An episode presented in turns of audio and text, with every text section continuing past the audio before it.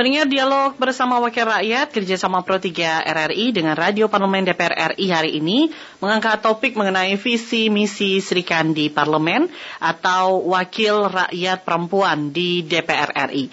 Anda bisa bergabung bersama kami di 021-384-4545 atau di 021-386-6712, WhatsApp pesan singkat 081-399-399-888. Saya sapa terlebih dahulu anggota DPR RI, fraksi Partai Golkar, Dapil Jawa Barat 7, Purwakarta, Karawang, Kabupaten Bekasi, Ibu Putri Komarudin. Bu Putri, selamat ya. pagi. Pagi, Assalamualaikum warahmatullahi wabarakatuh. Waalaikumsalam warahmatullahi wabarakatuh. Apa kabar Bu Putri? Baik, baik. Gimana Mbak Natasha? Baik. Nah, kita ini berbincang mengenai visi misi Sri Kandi Parlemen atau Wakil Rakyat uh, Perempuan di DPR RI. Saya jadi tertarik juga untuk mengetahui uh, visi dan misi uh, Bu Putri sendiri pada saat uh, kampanye kemarin. Iya, Uh, untuk visi misi sendiri sebenarnya udah sering saya ceritain juga. Mm. Jadi uh, karena saya dulu backgroundnya ekonomi, yeah. uh, pernah kerja di OJK juga sebelum jadi caleg, mm. itu saya memang fokusnya di wilayah uh, tersebut uh, sejak kampanye. Karena di masalah uh, masalah di dapil saya itu uh, masih seputaran rentenir bank-bank uh, yang ilegal di sana itu hmm. sangat marak terjadi. Uh, jadi uh, di penempatan komisi yang akan segera difinalisasi ini, saya sedang mengusahakan diri untuk uh, ditempatkan di komisi 11 di mana saya akan mendorong uh, rancangan undang-undang tentang rentenir yang akan mengatur tentang praktek rentenir yang selama ini masih banyak terjadi bahkan di kota-kota uh, kecil di Indonesia gitu. Uh, hmm. Jadi uh, karena sekarang yang mengatur uh, tentang pinjam meminjam itu uh, masih sangat makro sifatnya dan tidak hmm. ada juga yang uh, apa pengaturan yang mengatur uh, berapa maksimal uh, bunga yang bisa dipinjamkan itu hmm. sehingga banyak warga-warga uh, masyarakat yang tidak mempunyai akses ke perbankan yang legal di daerah-daerah itu uh, hmm. menjadi korban gitu karena Eh, bank-bank uh, ilegal ini, rentenir-rentenir ini biasanya hmm. menyasarnya ke uh, masyarakat yang memang tidak uh, mempunyai akses tersebut atau tidak mempunyai pendidikan keuangan yang memadai gitu. Hmm. Uh, terutama kalau di dapil saya sendiri yang menjadi korban utama adalah perempuan, hmm. karena uh, perempuan itu dinilai uh, selain uh, mungkin mereka menganggap sasaran yang lebih empuk dengan uh, keterbatasan kepengetahuan, ya. uh, mereka juga biasanya menjadi uh, apa pemegang uang untuk keluarga gitu mm -hmm. dan mm -hmm. ketika mereka mengadakan sistem jemput bola di mana mm -hmm. bahkan sampai ke tempat-tempat terkecil itu mm -hmm. ini bank-bank ilegal ini bisa masuk uh, mereka juga uh, memakai sistem tanggung renteng di mana hmm. nanti apabila ada warga yang tidak bisa membayar nanti tetangga dan teman-teman di satu RT tersebut yang harus membayar. Praktik seperti itu kan sebenarnya uh, apa sudah tidak sudah tidak sepatutnya terjadi ya, mm -hmm. apalagi di zaman uh, apa yang sudah canggih ini yeah. gitu. Tapi pada pada apa pada prinsipnya kita hmm. akan mendorong itu dan juga nanti tentang pengaturan financial teknologi yang sekarang juga sudah mulai meresahkan karena mereka juga mulai uh, mengambil data-data konsumen uh, melakukan penagihan hutang secara paksa menggunakan data-data pribadi nasabah yang gagal hmm. bayar gitu hmm. dan di kita itu peraturannya baru ada peraturan OJK, sementara yeah. belum ada juga undang-undang yang mengatur tentang fintech mm-hmm. secara uh, apa secara taktis gitu. Jadi mm-hmm. itu juga yang nanti akan uh, saya dorong apabila ditempatkan di Komisi 11 gitu. Dan tentunya nanti pengawasan untuk lembaga-lembaga yang uh, menyediakan pengawasan jasa keuangan seperti uh, eh, OJK dan juga Bank Indonesia gitu agar mereka lebih masif lagi melakukan uh, edukasi perlindungan konsumen mm-hmm. karena Indonesia itu memang negara yang sangat luas yeah. dengan uh, tingkat uh, pembangunan yang juga sangat berbeda gitu mm-hmm. dan bukan tugas yang mudah untuk kedua lembaga tersebut melakukannya cuman sebagai uh, sebagai anggota DPR, sebagai wakil rakyat nantinya kita harus mengingatkan kembali kepada lembaga-lembaga pemerintah tersebut untuk uh, menunaikan dan meningkatkan performanya dalam area tersebut. Mm -hmm. Baik, baik. Tapi kalau Bu Putri sendiri melihat kemudian uh, perempuan yang menjadi sasaran para uh, rentenir ini sendiri, ini uh, penyebabnya apa begitu? Apakah ketidaktahuan mereka begitu atau seperti apa Ibu Putri melihatnya? Jadi sebenarnya ada uh, tiga faktor utama yang menjadi penyebab. Uh, satu itu biasanya karena uh, perempuan itu lebih komunal. Jadi mereka banyak menghabiskan waktu bersama teman-teman uh, dan tetangganya, terutama kalau uh, di daerah pedesaan yang di mana hubungan antar tetangga itu masih sangat erat gitu. Jadi mm -hmm. ketika ada satu temannya yang mulai meminjam uh, rasa ingin dan gengsi mereka itu juga menyebabkan mereka uh, ingin meminjam juga gitu. Padahal hmm. banyak dari mereka yang ketika saya uh, datangi gitu, hmm. mereka bercerita mereka sebenarnya tidak butuh, hmm. ujung-ujungnya dipakai untuk kebutuhan konsumtif. Hmm. Jadi uh, mungkin itu hmm. dan juga yang kedua adalah kurangnya edukasi. Jadi ketika mereka meminjam, satu mereka uh, tidak uh, tidak mengukur tingkat uh, pembayaran mereka seperti apa, mereka hmm. tidak uh, apa tidak menghitung dulu uh, pendapatan mereka per bulannya apa hmm. saja yang harus dibayarkan dan apakah pinjaman itu bisa angsurannya bisa dibayar setiap bulan gitu hmm. dan um, yang terakhir masih kurang familiarnya mereka dengan jasa-jasa keuangan yang uh, ada di bank gitu karena hmm. ketika saya nanya tentang uh, kredit usaha rakyat gitu terus uh, saya tanya juga tentang bank-bank uh, BRI Mandiri yang menyediakan hmm uh, apa kredit usaha rakyat tersebut kebanyakan mm. dari mereka itu uh, tidak tahu.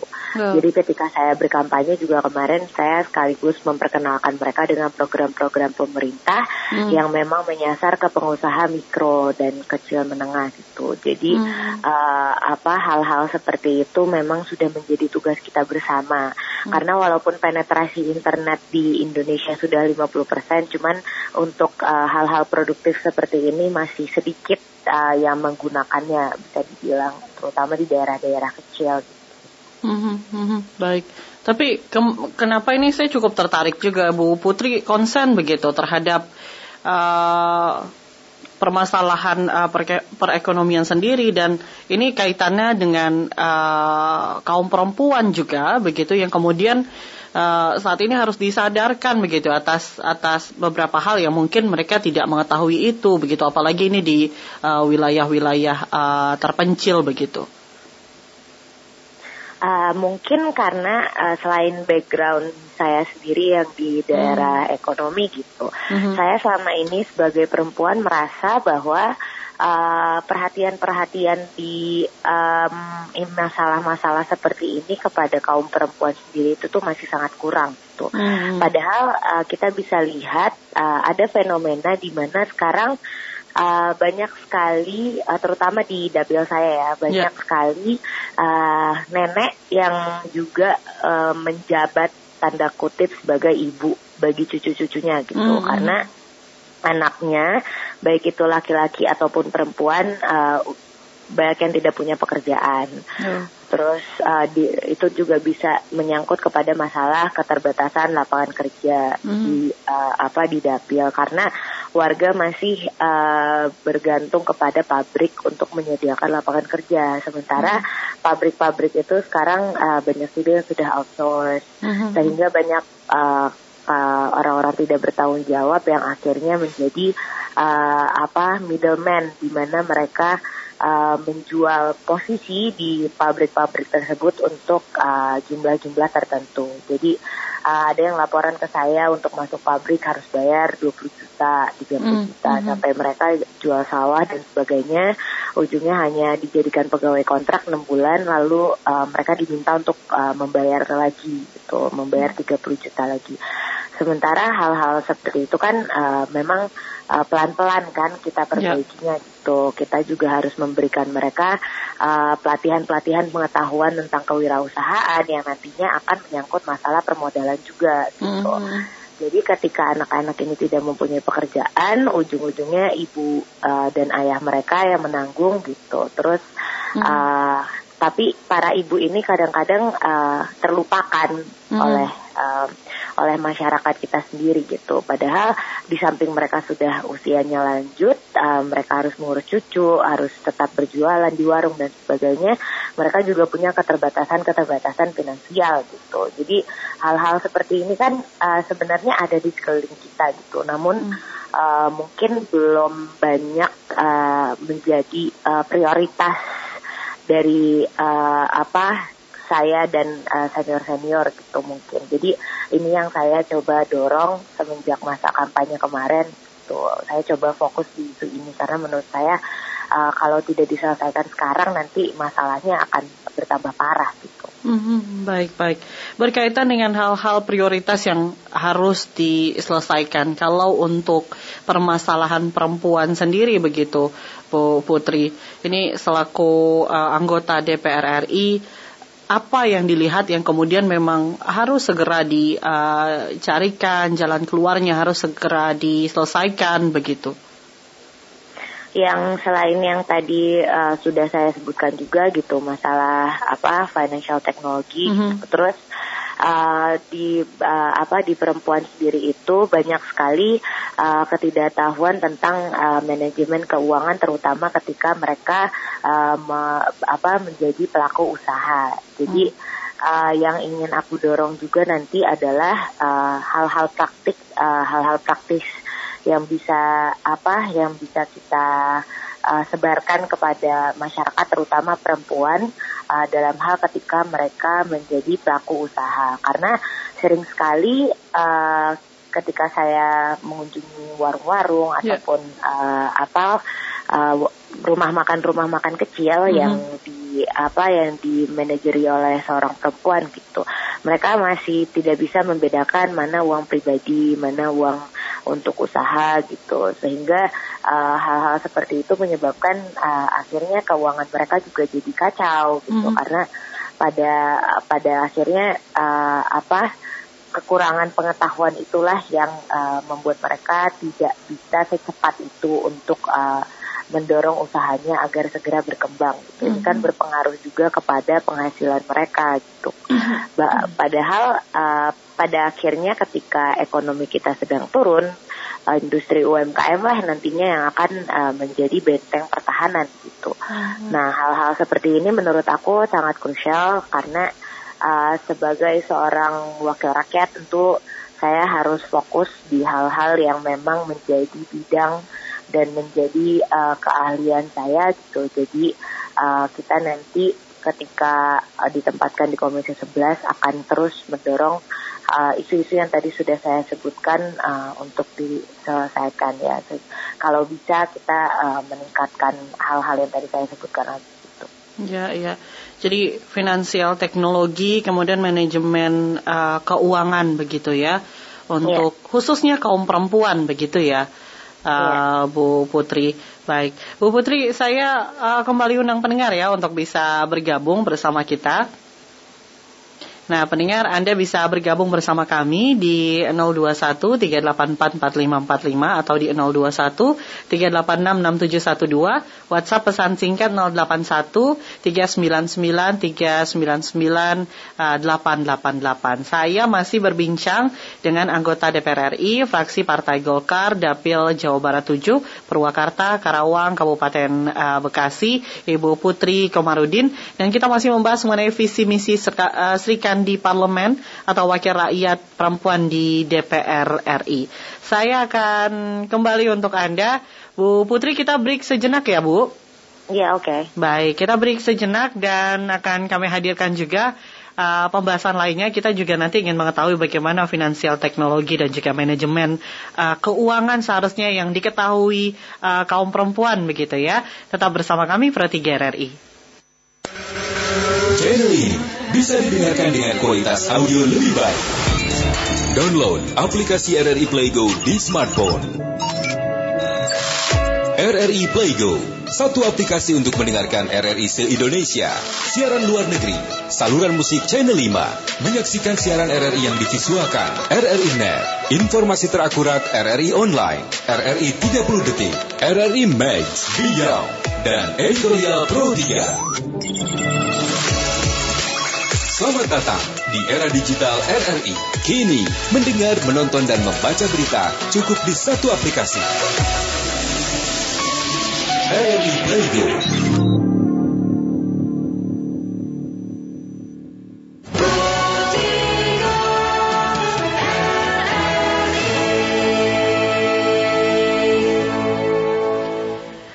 Kasih Anda kembali bersama kami dalam dialog bersama Wakil Rakyat kerjasama Pro 3 RRI dengan Radio Parlemen DPR RI. Saya masih bersama dengan Ibu Putri Komarudin. Bu Putri. Ya. Ya, kita masih membahas juga mengenai visi misi Sri Kandi Parlemen atau Wakil Rakyat Perempuan di DPR RI. Nah, jika kemudian Ibu Putri ini fix begitu ya, nanti uh, harapannya kemudian di Komisi 11 ini tercapai begitu Bu Putri, kemudian ya. menjalankan beberapa program yang akan dijalankan terkait finansial uh, teknologi sendiri. Apa yang sebenarnya yang harus diketahui uh, banyak orang begitu tentang uh, finansial teknologi ini? Jadi uh, fintech ini kan baru marak ada di Indonesia itu pada tahun 2016. Uh, dan baru bermula di Inggris itu sebagai negara yang pertama apa menjadi pencetus uh, fintech ini tuh di tahun 2012. Maka uh, sampai sekarang ini belum ada undang-undang yang mengatur tentang praktik ini gitu. Uh, baru ada POJK yang tadi saya sebutkan. Padahal 70% dari uh, pemakai internet di Indonesia itu mencari informasi tentang pinjaman di ketika mereka berselancar di internet. Makanya uh, saya juga nanti yang tadi saya sudah sebutkan akan mendorong uh, rancangan undang-undang tentang fintech yang salah satunya mengatur bahwa fintech ilegal itu merupakan perbuatan pidana gitu karena sampai sekarang uh, masih banyak sekali pinjaman-pinjaman online uh, yang kategorinya terlarang dan tidak memiliki izin.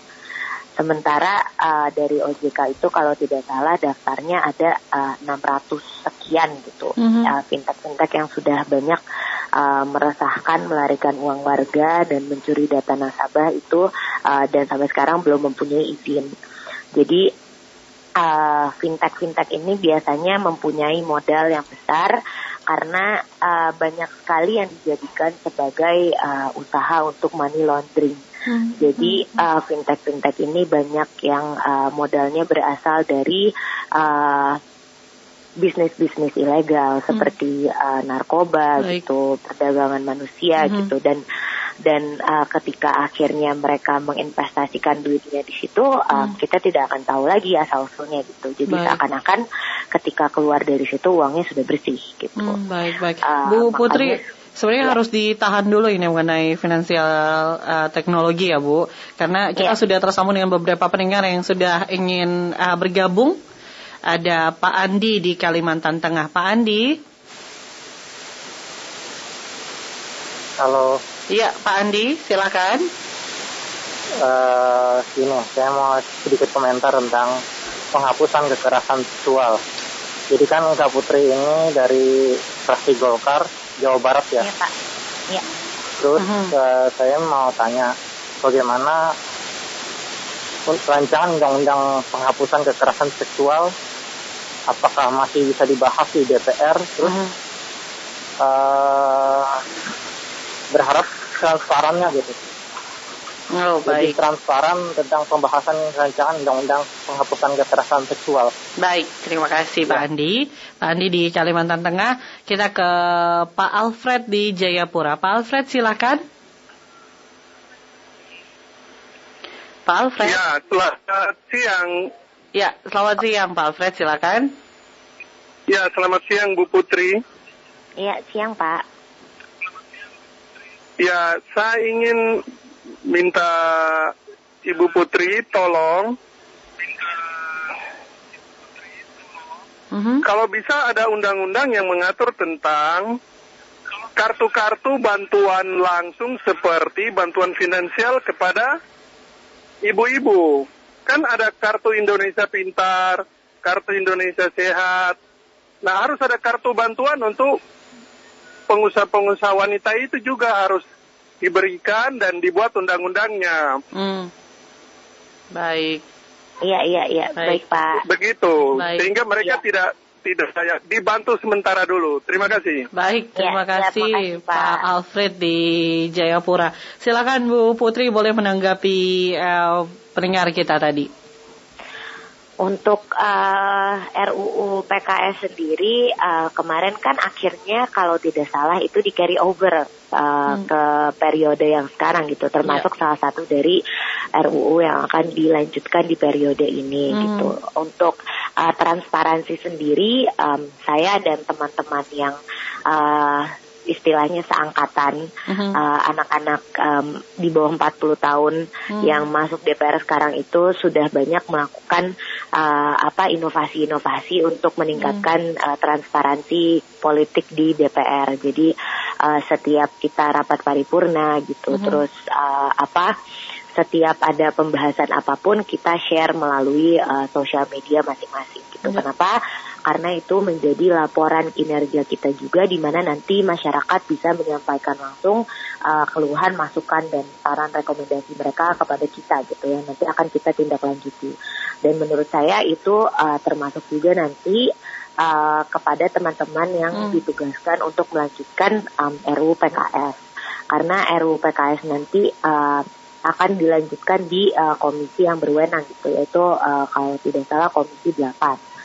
Jadi uh, ketika ini nanti ada pembahasan lagi, uh, saya akan juga mendorong teman-teman yang uh, berada di sana untuk uh, memberitakan tentang progres pembahasannya seperti apa atau uh, kenapa ini uh, belum bisa juga disahkan mm-hmm. gitu karena kan hal-hal seperti ini memang saya juga setuju tadi uh, harusnya dibuka kepada publik gitu agar tidak ada kesalahpahaman lagi terkait uh, apa apa saja yang kita dilakukan uh, apa aja yang kita lakukan sebenarnya di DPR gitu.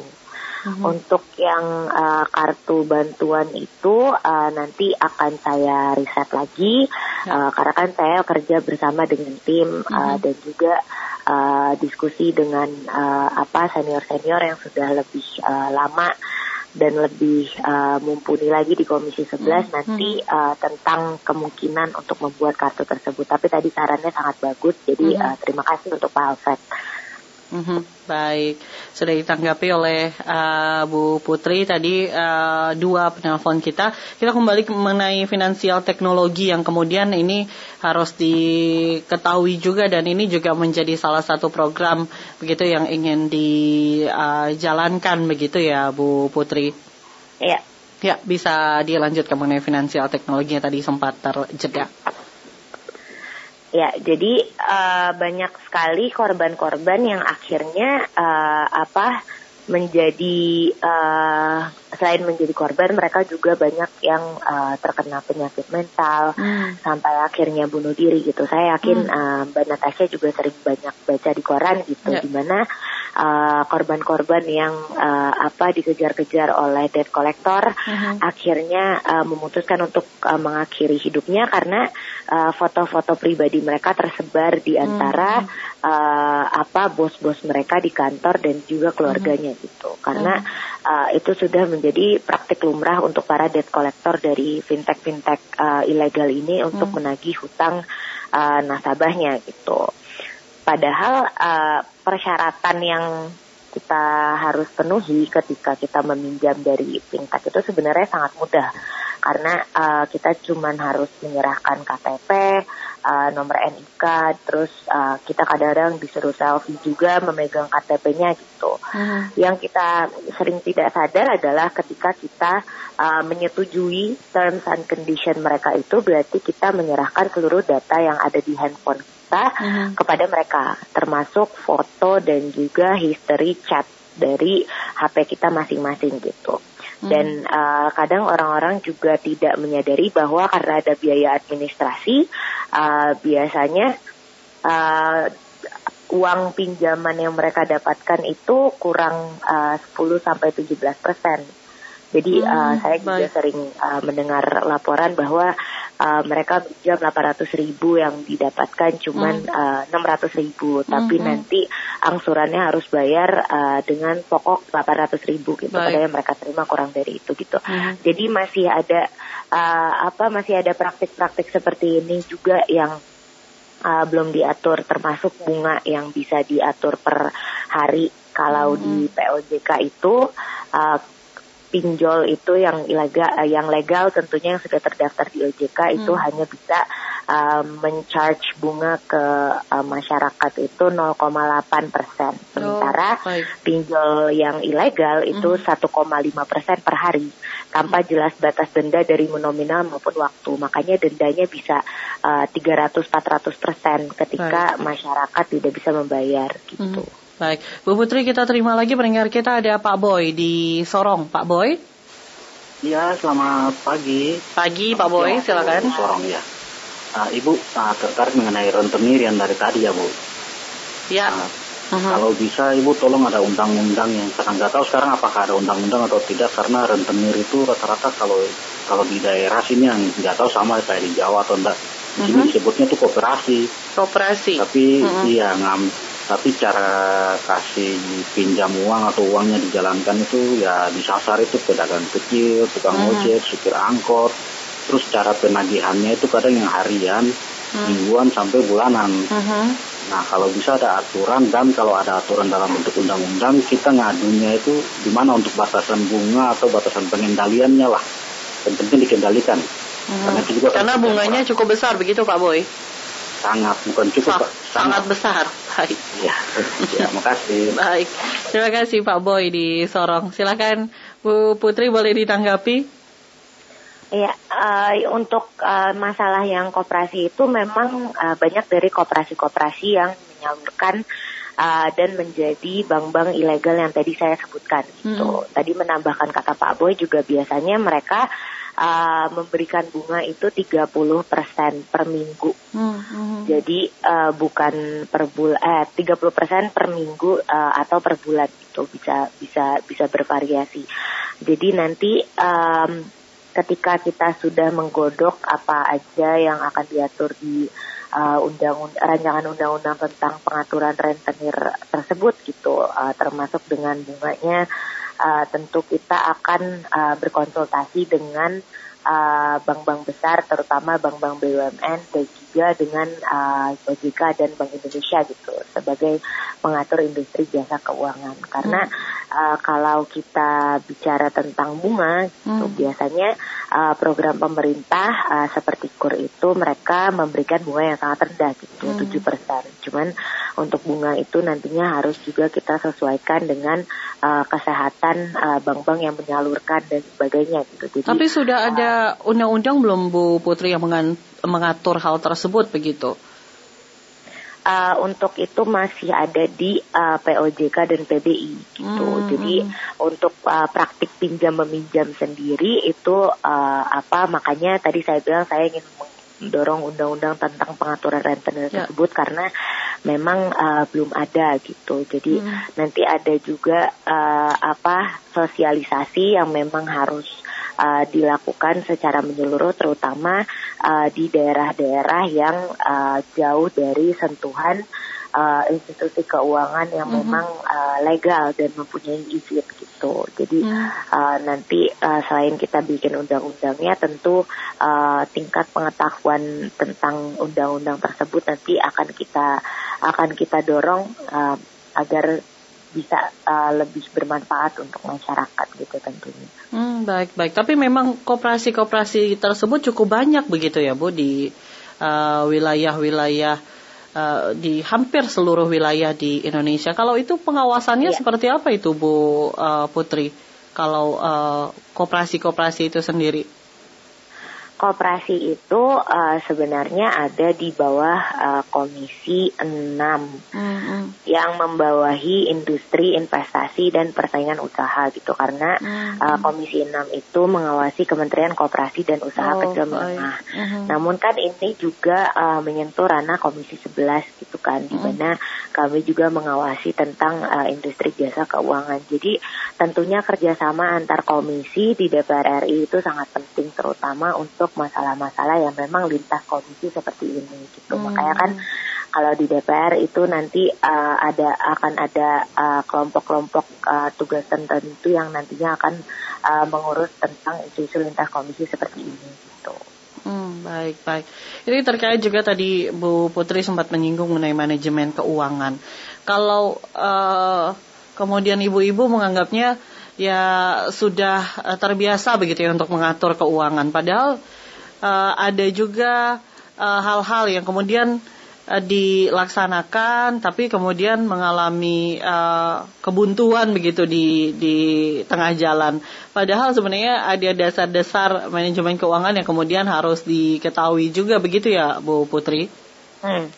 Hmm. Sebenarnya dasar-dasar apa yang memang harus diketahui begitu untuk untuk uh, manajemen keuangan oleh uh, yang sederhana saja uh, kaum perempuan begitu, seorang ibu atau seorang istri begitu. Sebenarnya yang paling penting menurut saya adalah pencatatan keuangan gitu. Jadi hmm. ketika uh, pengusaha-pengusaha perempuan ini sudah bisa memisahkan antara uh, pencatatan keuangan rumah tangga mereka dengan usaha mereka, uh, nantinya akan uh, bisa lebih mudah bagi mereka untuk uh, Bu Putri tingkat Ya. Baik, Bu Putri, saya uh, mohon maaf karena kita harus break sejenak karena kita hadirkan breaking news terlebih dahulu ya Bu Putri. Oke, oke. Baik, nanti kita lanjutkan kembali untuk uh, pembahasan mengenai bagaimana manajemen keuangan sendiri kemudian yang harus dipahami. Nah, saya hadirkan dulu untuk Anda breaking news berikut ini pendengar.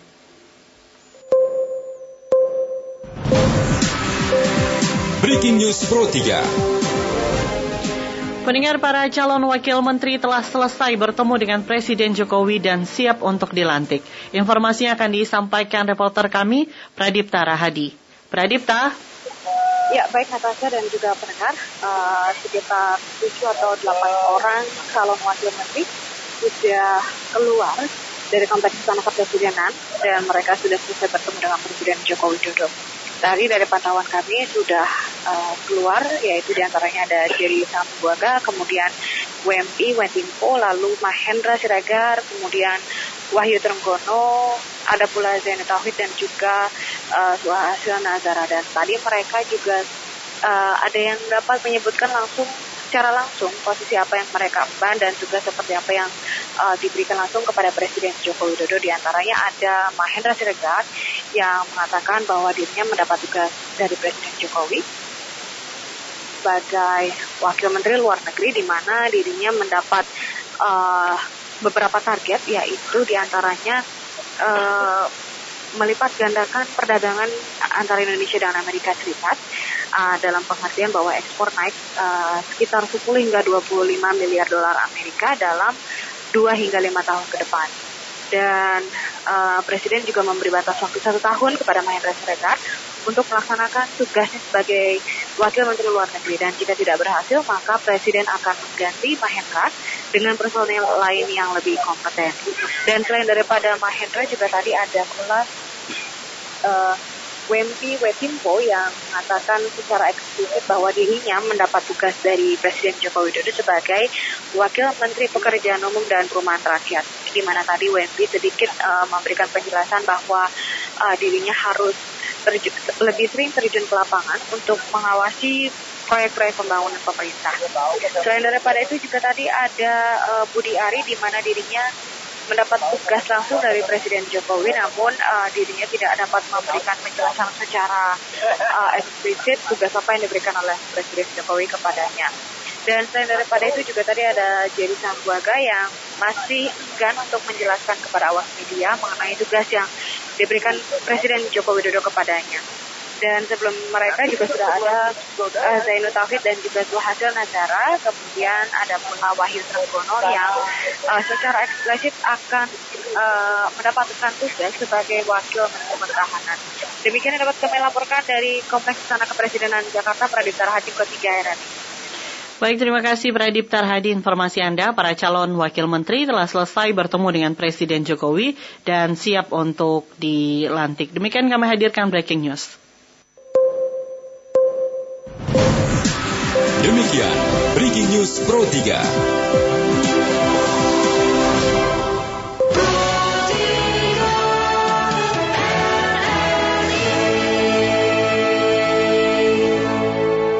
Kembali kami hadirkan dialog bersama Wakil Rakyat kerjasama Pro 3 RRI dengan Radio Parlemen DPR RI. Saya masih bersama dengan anggota DPR RI fraksi Partai Golkar Dapil Jawa Barat 7 Purwakarta Karawang Kabupaten Bekasi Ibu Putri Komarudin. Bu Putri. Ya. ya. Iya, kita masih membahas tadi mengenai uh, apa sebenarnya dasar-dasar manajemen keuangan. Tadi Bu Putri menyampaikan di awal harus ada catatan-catatan uh, keuangan begitu ya. Iya, uh, hmm. dan kita harus bisa, terutama ini uh, untuk yang perempuan gitu, di mana uh, kebutuhan anak, kebutuhan untuk uh, suami dan sebagainya, ketika kita punya usaha tidak boleh uh, dicampur adukan gitu, karena ketika nantinya kita tidak bisa membedakan pengeluaran pribadi usaha, itu biasanya lama-lama keperluan pribadi yang menggerogoti uh, saldo uang usaha gitu. Jadi uh, usahanya akan susah tumbuh. Jadi hmm. kalau bisa uh, kita nanti uh, buka rekening khusus untuk usaha gitu, terus yang satu khusus untuk rumah tangga. Jadi hmm. uh, pemisahan itu sudah jelas dari awal gitu, sehingga uh, apa bisa mendisiplin, mendisiplinkan diri kita untuk manajemen keuangan itu sendiri. Hmm. Terus uh, yang paling penting sebenarnya kita juga harus uh, merencanakan penggunaan penggunaan uang gitu karena apalagi kalau di usaha-usaha yang sudah menahun biasanya uh, ibu-ibu itu tahu uh, berapa yang mereka butuhkan untuk uh, bahan pokok, berapa yeah. yang mereka butuhkan untuk keperluan-keperluan lainnya gitu. Mm -hmm. Jadi uh, ketika ada anomali di uh, apa proyeksi-proyeksi uh, dari uh, uang yang akan dikeluarkan itu nantinya mereka bisa uh, apa uh, mengefisientikan lagi sehingga uh, tidak ada pengeluaran mm -hmm. yang uh, tidak tidak diperlukan gitu misalnya.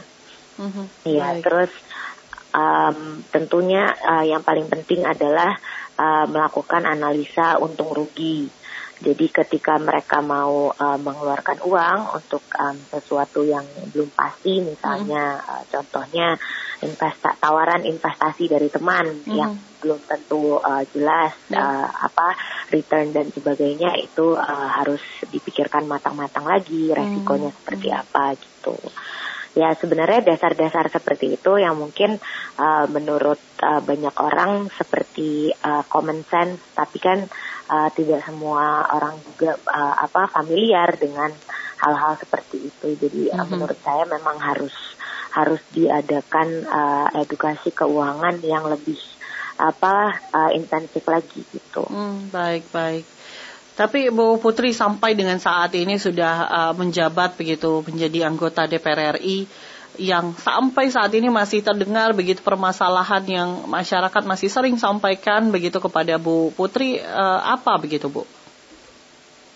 masalah keluhan yang uh, paling banyak itu sekarang uh, mungkin karena uh, keadaan ekonomi kita juga gitu kan. Oh. Jadi walaupun kemarin pertumbuhan ekonomi kita uh, apa statis di angka 5% gitu. Hmm. Namun uh, banyak warga-warga yang mengeluhkan uh, yang tadi saya sudah sebutkan juga ketersediaan hmm. lapangan kerja yeah. gitu. Hmm. Terus Eh, hal-hal uh, seperti itu masih menjadi keluhan di samping juga uh, misalnya tentang infrastruktur di mana mereka masih mengeluhkan uh, tentang listrik, uh, ketersediaan air, terus jalanan dan penerangan yang belum memadai hmm. di daerahnya masing-masing. Uh, terus mereka juga masih mengeluhkan tentang uh, apa BPJS, hal-hal uh, yang memang selama ini selalu disuarakan oleh uh, masyarakat melalui koran-koran uh, juga. Gitu gitu.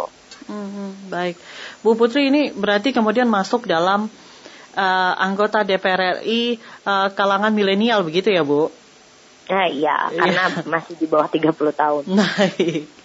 Nah, artinya kemudian ketika memperjuangkan uh, undang-undang terkait rentenir ini sendiri menemukan kendala tidak? Kita uh, karena sekarang belum penempatan komisi, hmm. jadi uh, masih banyak belajar. Hmm. Saya juga bersama tim tenaga ahli itu melakukan kajian-kajian yang memang diperlukan untuk nantinya kita uh, apa menginisiasi rancangan undang-undang ini. Kita hmm. belajar dari pakar-pakar uh, keuangan, dari pakar-pakar hukum, hmm. um, dari teman-teman yang menjadi dosen gitu untuk menjadikan ini memang rancangan undang-undang yang berkualitas dan mm -hmm. um, semoga bisa menyelesaikan masalah yang selama ini masih sering uh, luput yeah. dari perhatian kita di pemerintahan gitu. Baik. Bu Putri sudah tidak uh, panjang ini kebersamaan kita uh, pagi hari ini, tapi saya ingin Bu Putri bisa uh, menyampaikan pesan mungkin untuk masyarakat agar bisa mendukung uh, visi dan misi terutama uh, Sri Kandi di parlemen di DPR RI. Uh, keterwakilan perempuan uh, di DPR RI itu sekarang sudah meningkat karena ada uh, sekitar 20-an persen perempuan yang sekarang menjadi uh, wakil rakyat di DPR hmm. RI. Hmm. Jadi uh, ketika kita mengusahakan semua program-program uh, yang sudah menjadi uh, janji kampanye kita, kita juga membutuhkan uh, masukan dan juga uh, pengawasan dari teman-teman gitu. Karena tentunya uh, apa yang menjadi tugas kita di sini adalah hmm. nantinya untuk uh, manfaat uh, kita bersama gitu. Jadi uh, ketika kita apa mendorong isu-isu uh, yang terutama dekat dengan perempuan gitu, yeah. uh, kita minta uh, dukungan dan hmm. juga uh, terutama saran-saran uh, kritis hmm. yang uh, bisa membangun uh, menjadi uh, apa memperbaiki apa yang selama ini kita kerjakan karena uh, banyak orang yang bisa mengkritik uh, mm-hmm. hanya sedikit yang bisa memberikan solusi jadi mm. untuk uh, terutama untuk teman-teman uh, perempuan di luar sana gitu mari kita uh, memperjuangkan hal-hal ini uh, bersama-sama jadi harus menjadi bagian orang yang bisa memberikan uh, solusi begitu ya Bu Putri. Ah iya karena uh, di zaman mm. serba anonymous di sosial media ini kayaknya banyak orang yang lebih lebih uh, lebih apa ya lebih galak ke satu sama lain gitu. Jadi ya netizen kita, netizen gitu ya. Kita kita kita kita kan punya budaya gotong ya. royong gitu. Hmm, dan terutama hmm. dalam membangun negeri ini kita tidak bisa sendiri. Jadi baik. kita sama-sama di posisi mana pun melakukan yang terbaik untuk Indonesia. Baik. Bu Putri Kemarudin terima kasih. Sukses selalu Bu Iya, terima kasih Mbak Natasha. Baik, sukses. Ya. Selamat pagi. Pagi. Baik, pendengar demikian kami hadirkan. Tadi kita juga sudah berbincang dengan anggota DPR RI, fraksi Partai Golkar, Dapil Jawa Barat 7, uh, Putri Komarudin. Kita sudah membahas mengenai visi misi Sri Kandi di parlemen atau wakil rakyat perempuan di DPR RI. Demikian juga kami hadirkan dialog bersama wakil rakyat kerjasama Pro 3 RRI dengan Radio Parlemen DPR RI. Interaksi rakyat dengan wakil rakyat. Bicara aspirasi. Kinerja legislasi. Anggaran pro publik. Dinamika pengawasan dewan. Saat wakil rakyat bertemu dengan rakyat. Dialog bersama wakil rakyat. Dialog bersama wakil rakyat. Setiap hari Jumat pukul 10.05 sampai dengan pukul 11 waktu Indonesia Barat.